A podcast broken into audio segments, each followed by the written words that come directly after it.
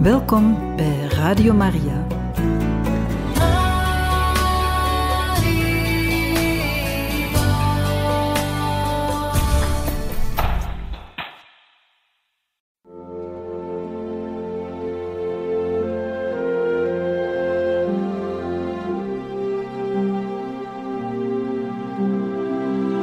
Beste luisteraars van Radio Maria, welkom bij het programma Catechismus. Een overweging bij de geloofschat van de kerk.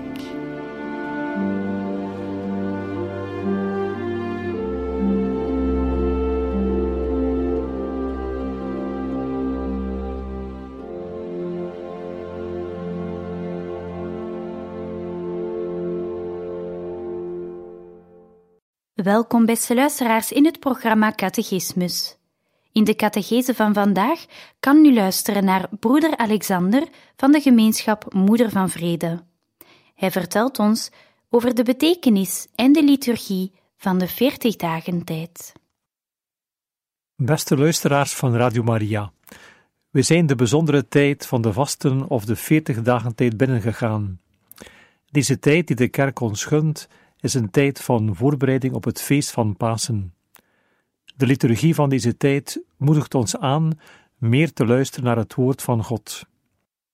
Het is voor de volwassenen die zich voorbereiden op het doopsel, en ook voor alle andere gelovigen, een tijd van bekering en herinnering aan het doopsel. In het doopsel worden de gelovigen immers met Christus begraven en verrijzen zij met hem. In de paasnacht zullen allen hun doopbeloften mogen hernieuwen.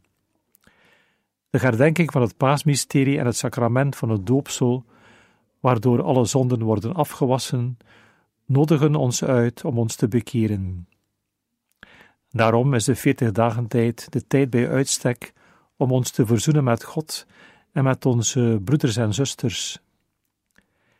We nemen onze toevlucht tot de wapens van de christelijke boetedoening, het gebed, het vasten en het geven van aalmoezen. Wat niet uit het oog mag verloren worden, is het verband tussen de veertig dagen tijd en de sacramenten van doopsel, eucharistie en vormsel. Daarbij komt nog de beleving van de uittocht, het wegtrekken uit het land van de slavernij van de zonde en tevens ook het overwegen van het lijden en de dood van de Heer Jezus. Het begin van de veertig dagen tijd wordt aangeduid door het sobere symbool van de as, dat de liturgie van Aswoensdag kenmerkt. Een askruisje ontvangen wil zeggen dat wij onze eigen broosheid en sterfelijkheid erkennen en dat wij door Gods barmhartigheid moeten verlost worden. Het is niet alleen een uiterlijk gebaar, maar vooral een uitdrukking van boetvaardigheid en van een boetvaardig hart.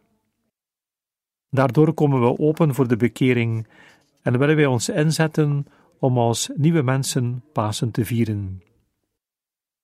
Wij worden opgeroepen om ons te richten op wat werkelijk van belang is en waarde heeft in de ogen van God.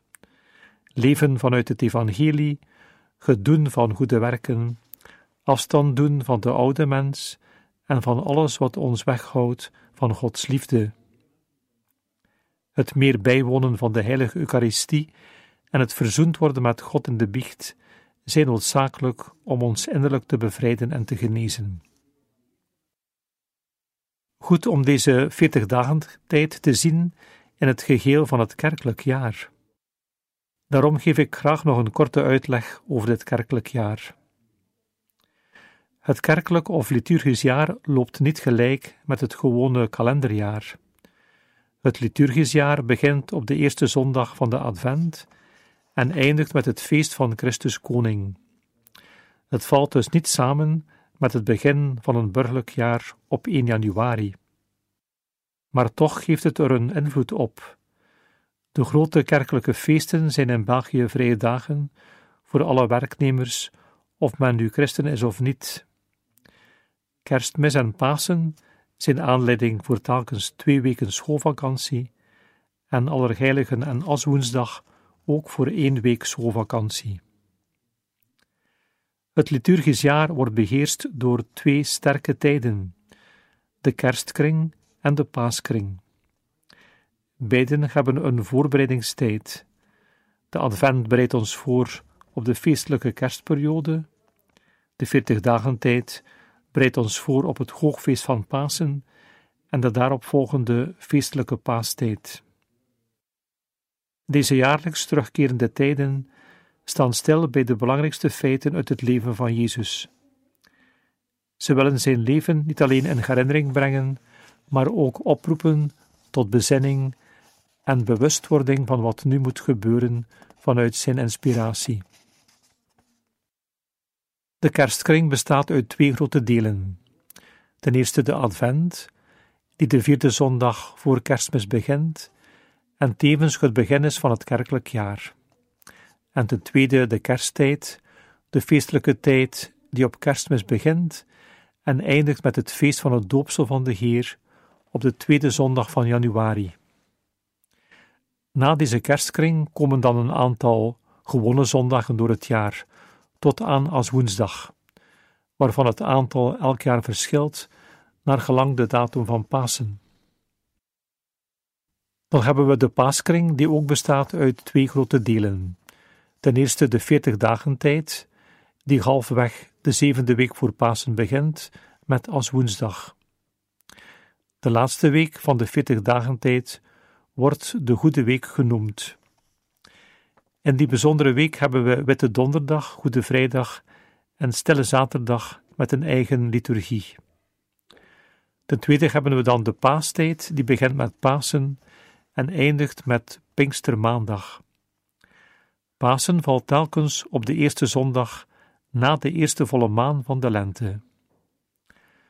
Pasen valt ten vroegste op 22 maart en ten laatste op 25 april.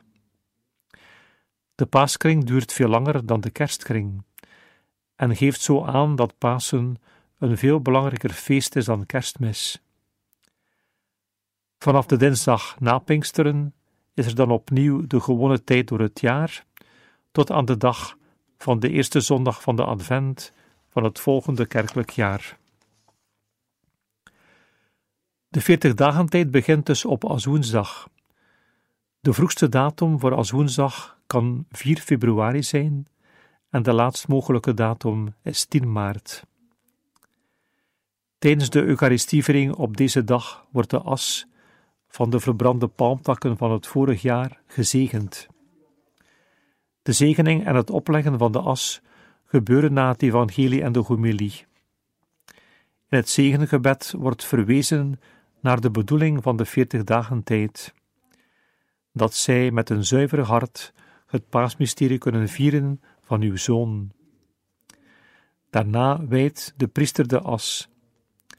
Iedereen in de kerk wordt getekend met een kruisje van deze as. As is een teken van boetvaardigheid. We hebben namelijk het verlangen en de wil om naar God terug te keren. Het herinnert ons eraan dat wij slechts stof en as zijn en tot stof zullen wederkeren. Deze woorden, afkomstig uit het boek Genesis, benadrukken de verhankelijkheid van het aardse leven. De vorm van het kruis daarentegen wijst op de dood van Jezus op het kruis, waardoor hij de dood en het kwaad heeft overwonnen en de weg opende naar het eeuwig leven. Op Aswoensdag wordt de eerste lezing genomen uit het boek Joël en de tweede lezing uit het boek Corinthiërs.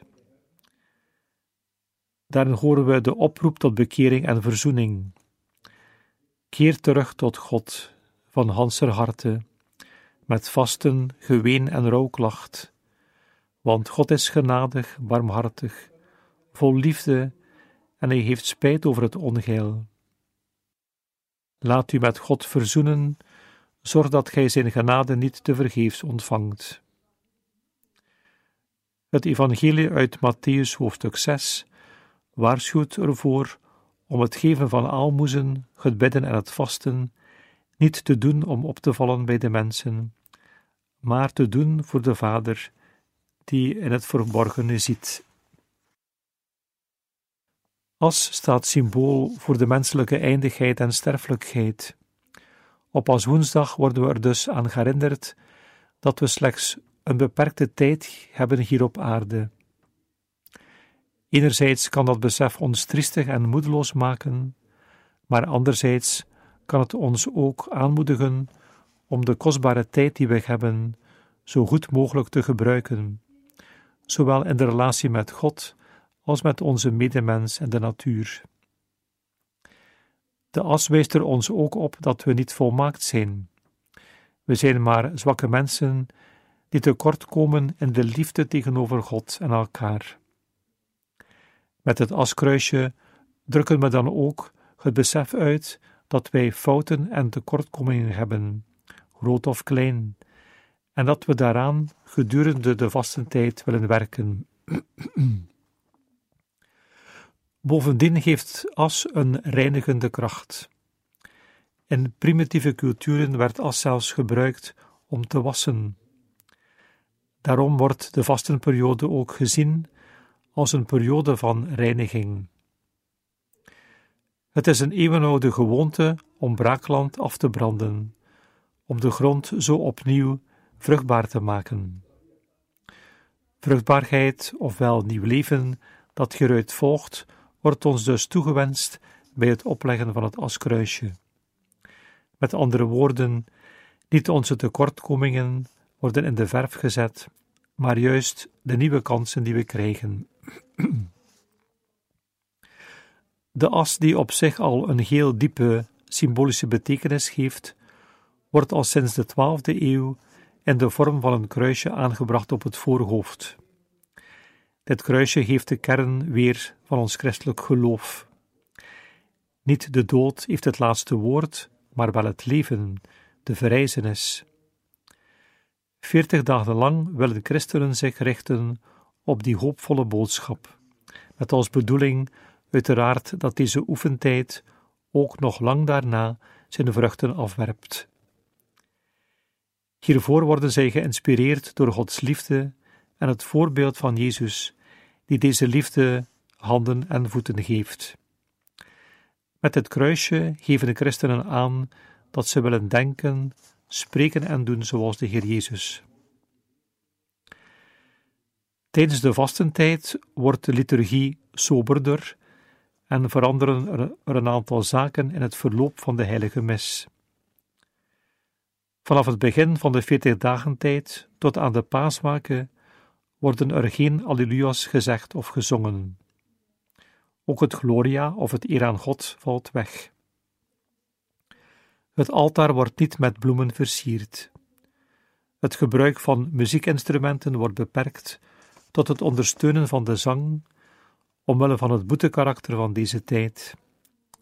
Uiteraard kan gemaakt worden, uitzondering gemaakt worden voor de viering, voor de vierde zondag in de veertig dagen tijd halfvasten, en voor feesten of hoogfeesten, zoals de heilige Jozef op 19 maart, of de aankondiging van de Heer of Maria Boodschap op 25 maart.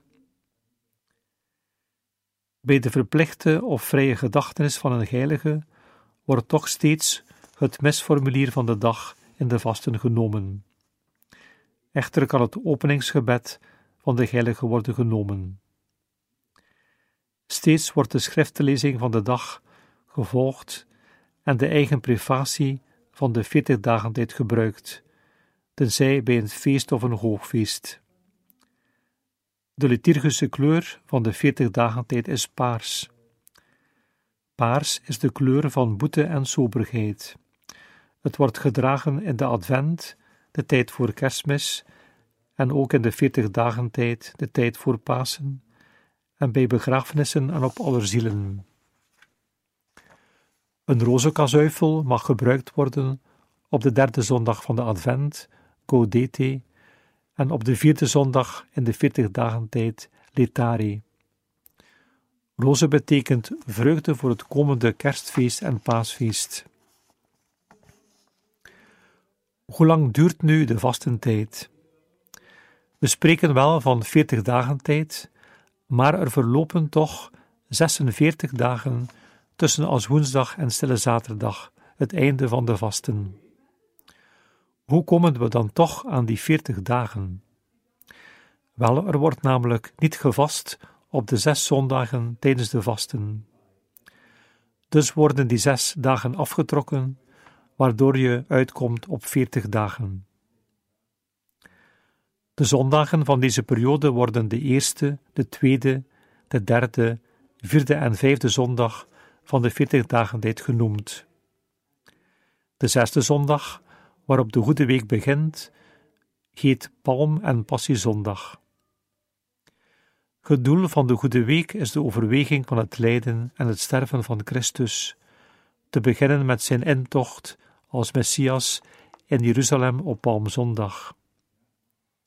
In de morgen van Witte Donderdag zegent de bisschop de heilige oliën en wijdt hij het chrisma tijdens de Eucharistieviering die hij met zijn priesters concelebreert. Het paastriduum van het lijden, de dood en de verrijzenis van de Heer begint met de avondmis van Witte Donderdag en dan vieren we de instelling van de heilige Eucharistie. Op Goede Vrijdag gedenken wij het sterven van onze Heer Jezus Christus. Dan wordt de kruisweg gebeden en is er ook kruisverering. Op deze dag wordt ook gevast. In de paaswaken, zaterdagnacht, ziet de kerk wakend uit naar Christus verrijzenis. Op het hoogfeest van Pasen tenslotte vieren wij de opstanding van Christus uit de doden, waardoor hij ons mensen heeft verlost. We spreken dus van veertig dagen tijd. Veertig is een belangrijk getal en een getal van betekenis in de joods-christelijke geschriften. In het Bijbelboek Genesis regent het veertig dagen en nachten. Terwijl Noach in de ark verbleef, werd de aarde vernietigd door de grote watermassa. Na verloop van veertig dagen opent Noach het water, het venster van de ark, en liet hij een raaf los, die heen en weer bleef vliegen tot het water op de aarde was opgedroogd.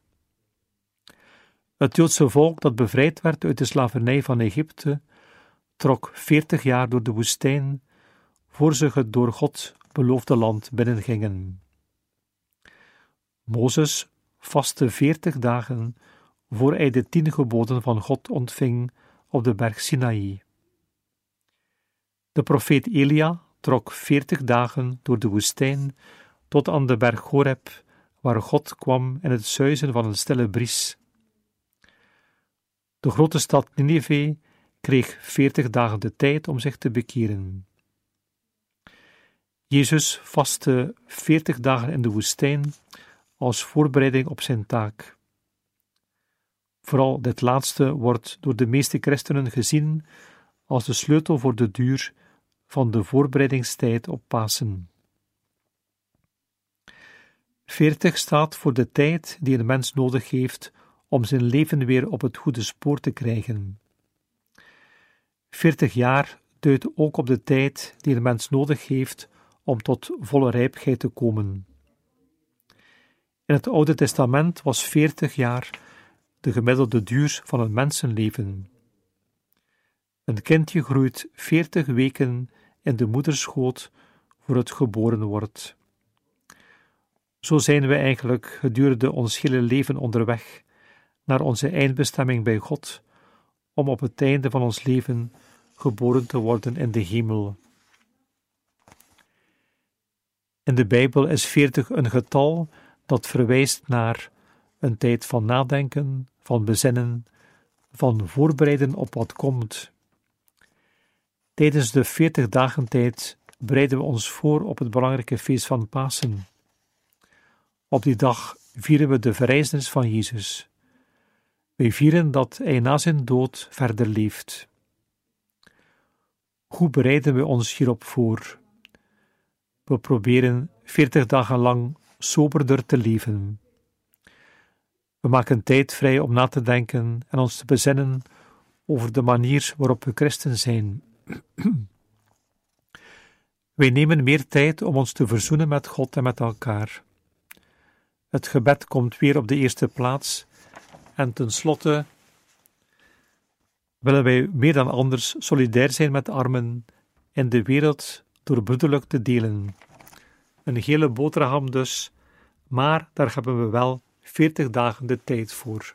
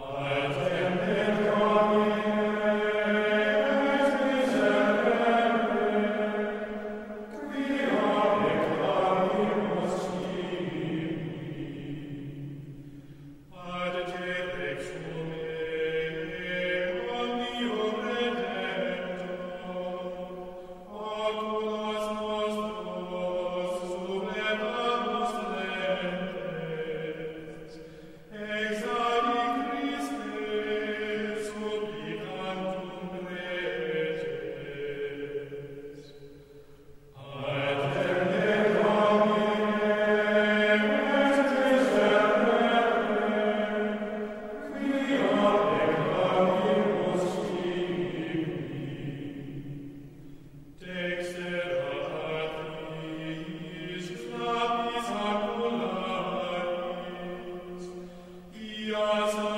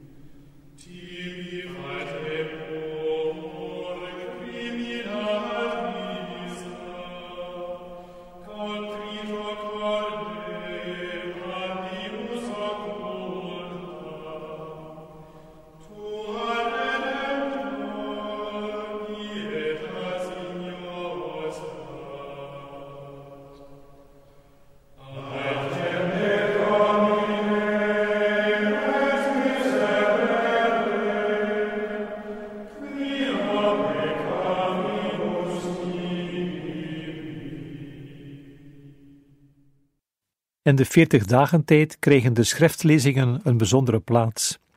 De herzinning van de lezingen na het Tweede Vaticaans Concilie speelde daarbij een grote rol.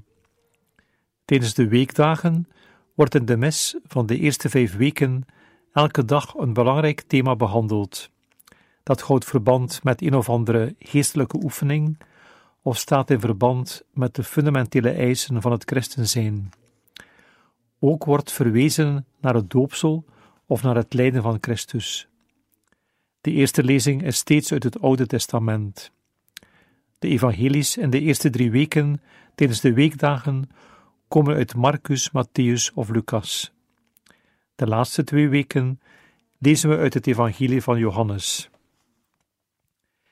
In de Eucharistievieringen op zondag staan de Bijbelse verhalen over de grote etappes en de heilsgeschiedenis van het Joodse volk op het programma. Vanuit de schriftlezingen nodigt de liturgie in haar teksten en gebeden de gelovigen uit om zelf de grote tocht te maken, om, om op weg te gaan naar Pasen. We maken dan de grote overgang van beproeving naar redding, van duisternis naar licht, van kwaad en zonde naar vergeving en verzoening van dood naar leven.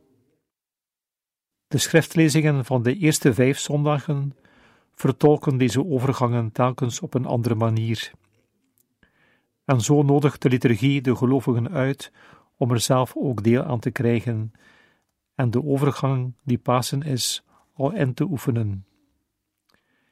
Terwijl de eerste lezingen de grote etappes in de heilsgeschiedenis volgen, verwijzen de evangelielezingen volop naar Pasen, naar de dood en de verrijzenis van Jezus Christus.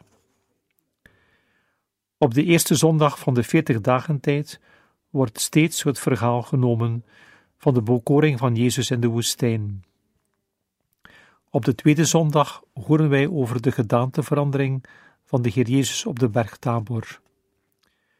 Door de herzieningen van 1969 en 1981 komen de evangelisten Matthäus, Marcus en Lucas aan bod in de A, B en C cyclus. Zo krijgen we een grotere verscheidenheid aan lezingen. Dat men op de eerste zondag altijd leest over Jezus' bekoring, heeft meerdere redenen. Bij zijn bekoring begint Jezus zijn strijd tegen de macht van de Satan, die hij tot een goed einde zal brengen op het hoogtepunt van Pasen. Het voorspel in de woestijn toont reeds de afloop van deze strijd. Jezus overwint door zijn lijden en sterven op het kruis en zijn verrijzenis. De lezing is ook zinvol door de verwijzing naar zijn veertig dagen van vasten. Ten slotte geven de drie bekoringen van Jezus, waarover Matthäus en Lucas spreken, en de oproep van Marcus tot bekering en geloof, een voorbeeld van hoe Jezus heeft gevast en zo de boze heeft overwonnen. Tevens is het ook een concrete hulp voor de gelovigen om de weg te gaan van veertig dagen naar Pasen. De bekoring van Jezus richt zich meer naar de overwinning op het kruis. Het verhaal van de gedaanteverandering daarentegen op de tweede zondag van de veertig dagen tijd richt zich op het komende feest van de verrijzenis. Het moet het geloof versterken van de drie apostelen, Petrus, Jacobus en Johannes, die getuigen zullen zijn van Jezus' doodstrijd in de Hof van Olijven. Op de berg zien ze Jezus, zoals hij zal zijn op Pasen, stralend van licht. Doorheen het menselijk gelaat dat door de schaduw van de dood wordt bedreigd, legt reeds de glans op van de verrijzenis van met Pasen. Door het verschijnen van de profeten Mozes en Elia wordt Jezus bevestigd in zijn roeping om zijn leven te geven tot redding van de wereld. De stem van de Vader klinkt uit de wolk die hen overschaduwde en zei: Dit is mijn beminde zoon, luistert naar hem. Dat Mozes en Elia bij Jezus komen, heeft een bijzondere betekenis. In het leven van deze twee grote profeten uit het oude verbond heeft een tijd van veertig dagen een grote rol gespeeld. Jezus, Mozes en Elia, die veertig dagen hebben gevast, ontmoeten elkaar op de berg, stralend van licht als verheerlijkten. Veertig dagen vasten wordt op die manier voorgehouden aan de christenen als een mogelijkheid om deel te krijgen aan Jezus' verrijzenis op Pasen. De evangelies van de derde, vierde en vijfde zondag in de vasten hebben een merkwaardige geschiedenis. Vanouds waren ze gericht op de voorbereiding van de doopleerlingen op het doopsel. Op deze zondagen kwamen de volgende evangelies aan bod.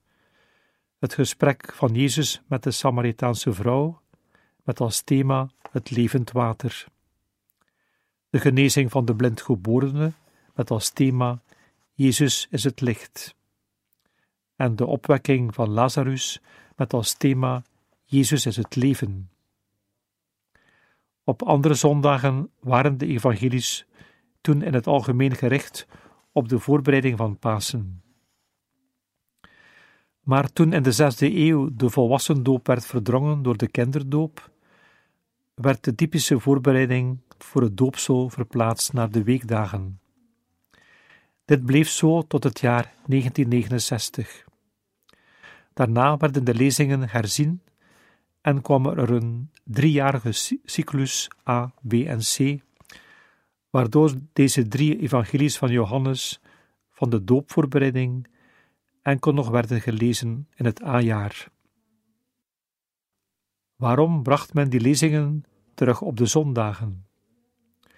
Omdat ze, los van deze voorbereiding, ook hun grote waarde hebben. Ze beschrijven de ontmoeting van belangrijke geloofsgetuigen met de Heer Jezus. De Samaritaanse vrouw, de blindgeborene en Martha, de zus van Lazarus.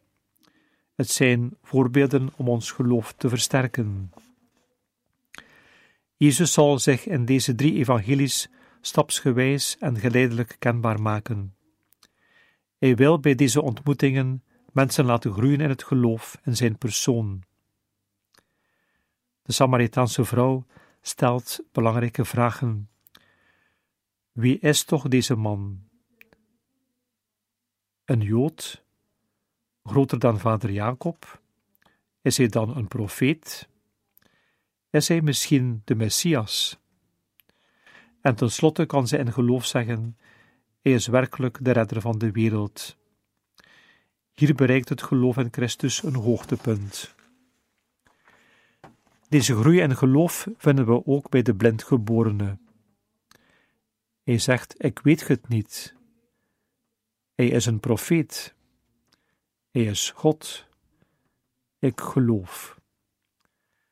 De persoonlijke ontmoeting van de genezen blindgeborene met Jezus leidt tot volledig inzicht van wie Jezus ten diepste is.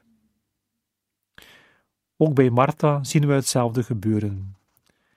Heer, als gij hier waart geweest, zou mijn broer niet gestorven zijn. Ik weet dat hij zal verrijzen op de jongste dag. Heer, ik geloof dat gij de Messias zijt, de Zoon van God. Zoals deze drie personen zullen ook wij tot volle inzicht komen in wie Jezus is en zo groeien naar een diepere ontmoeting met de Heer in geloof. Dit is tevens een goede voorbereiding op de hernieuwing van de doopbeloften, die we uitspreken in de paasnacht.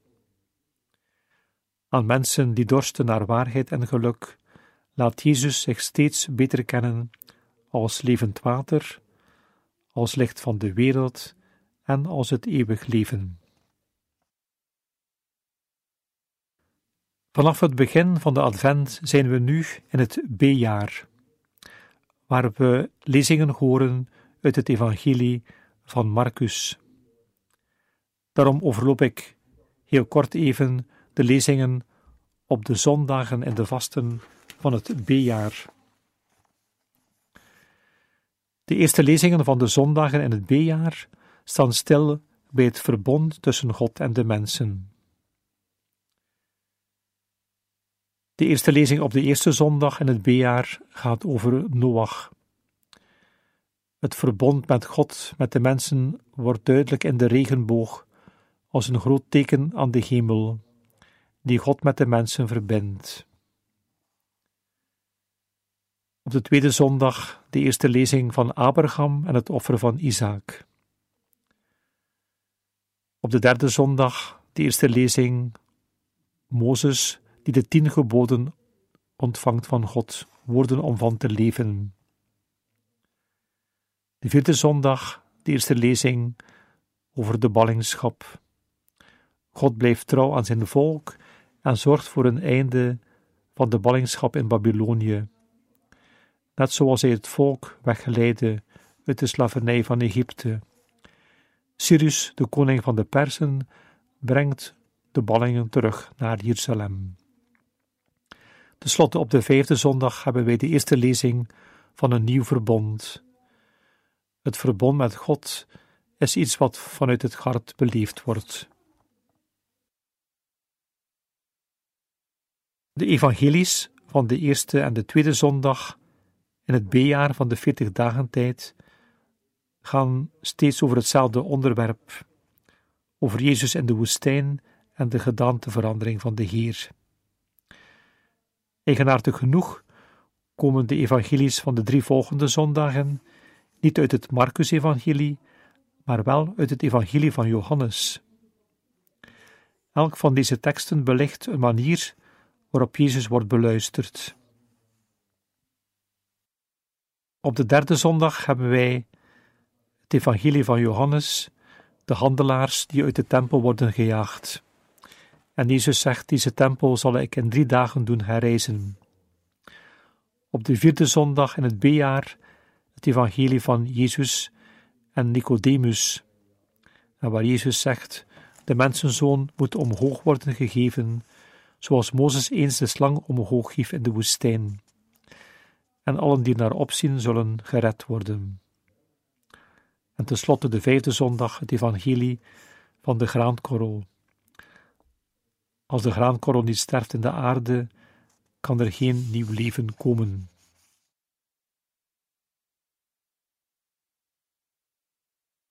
De lezingen van de zes zondagen in de veertig dagentijd zijn alle gericht op de voorbereiding van Pasen. Daarnaast hebben ze elk ook hun eigen kenmerk, met vooral in de evangelies een eigen thema dat verder wordt uitgewerkt in de gebeden van de heilige mis. Zo hebben de eerste, de tweede en ook de zesde zondag hun eigen prefatie, het gebed voor het heilig, geïnspireerd vanuit het evangelie. Voor de derde, vierde en vijfde zondag is het enkel zo in het A-jaar vanuit het evangelie van Johannes. De zesde zondag noemt men Palmzondag, Passie van de Heer. Op die zondag begint de Goede Week en wordt voor het wijden van de palmtakken het evangelie gelezen van de intocht van Jezus in Jeruzalem. Ook het lijdensverhaal van Jezus, of in de volksmond het lang evangelie, wordt dan voorgelezen. Vroeger noemde men de vijfde zondag ook Passiezondag en werden dan vroeger de kruisen en beelden in de kerk met een paarse doek bedekt. Beste luisteraars, de vastentijd is een tijd van genade, waar God naar ons toekomt met zijn woord. Een rijke waaier aan schriftlezingen wordt ons aangeboden om ons geloof te voeden en te sterken. Zo worden wij geleid door Gods woord op de weg van de bekering van het hart, om met een hernieuwd geloof vol vreugde het paasfeest te mogen vieren. Beste luisteraars, ik wil jullie allen oproepen om elke dag tijd te nemen om de schriftlezingen te lezen. Je kan dit s morgens doen voor de dagtaak begint. Misschien moet je dan wel het offertje brengen om een half uurtje vroeger op te staan. Maar dit loont zeker de moeite. Je zult zien dat je dag anders wordt na een tijd van gebed met het woord van God. Anderen dan zullen het weer liever s'avonds doen na het werk van de dag. Goed om daarbij het missaal voor de weekdagen en het missaal voor de zondagen te gebruiken. Die werden uitgegeven bij de uitgeverij Brepos Likap. Deze twee missaals kosten misschien wel een beetje veel, ongeveer 58 euro, maar het is toch een zeer goede investering voor je verder leven. Wie met de computer overweg kan, vindt op de mooie website van Radio Maria bij de icoontje van liturgisch kalender ook steeds de schriftlezingen van de dag. Goede mensen, dank voor het luisteren. Ik wens jullie allen een goede vastentijd toe. Laat alsjeblieft deze bijzondere tijd niet zomaar voorbij gaan. Gebruik toch elke dag goed om dichter naar God toe te groeien, door het woord van God te lezen, door je trouw aan het dagelijks gebed, de heilige Eucharistie, de aanbidding en de biecht.